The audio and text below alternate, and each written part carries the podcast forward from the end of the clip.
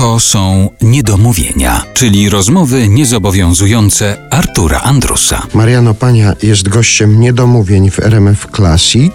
Powiedzieliśmy już o debiucie filmowym, ale to jest właśnie ta rzecz, która mnie bardzo zaintrygowała i mam pewną niejasność, ponieważ jak się przegląda tę imponującą listę ról filmowych, ról teatralnych, to jeszcze jest taka równie imponująca lista ról dubbingowych. I tam się pojawia debiut rok 1960 Flintstonowie. I teraz, czy to jest prawda, czy to jest jakaś pomyłka, czy...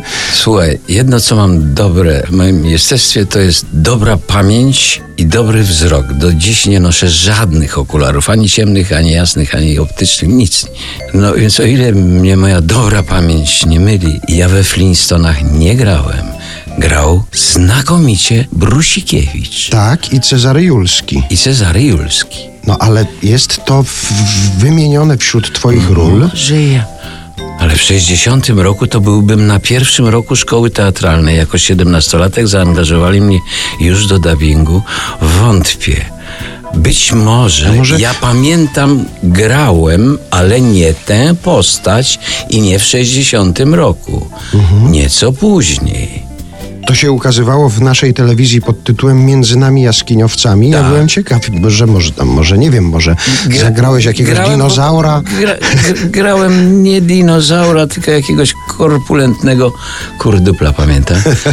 Ale dubbing to jest też ulubiona twoja forma, zdaje się, tak? No sądząc po tym, ile takich ról jest, to Powiem to ci, jest że- coś, że co tak, lubisz. Jeżeli, jeżeli no wiele, wiele e, ról w filmach dla dzieci. To robiłem najpierw dla swoich dzieci te filmy, a potem teraz dla wnuków. I, i tam jak, jakiś stary samochód, albo tam jakiś gołąb, e, który tam coś, dolot się to nazywało. No, no różne, różne. Ja przypomnę. A, a, to, a to głowę smoka, jak, jakąś tam je- jedną, oczywiście śmieszną głowę smoka. Natomiast mój małojecki sukces, to pamiętam w filmie Zaklęte rewiry, e, w którym znakomicie zagrał Marek Kondrat, a jego przyjacielem jest Czech, aktor czeski, który grał Polaka z pochodzenia nie, niemieckiego. Czyli musiałem, musiałem tak. Janusz Majewski, jak musiałem przebyć próbę głosu, Janusz mówi, skąd pan pochodzi? Ze śpiewnej Lubelszczyzny. To skąd pan tak chwyta te R i te kaleczenie takie niemieckawe? Ja mówię, po pierwsze mam dobre ucho muzyczne, po które znam niemiecki, a po trzecie najważniejsze, moją bratową jest Ślązaczka.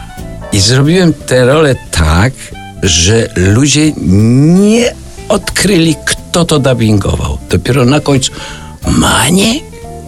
To była moja na- najlepsza rola e, właśnie dubbingowa.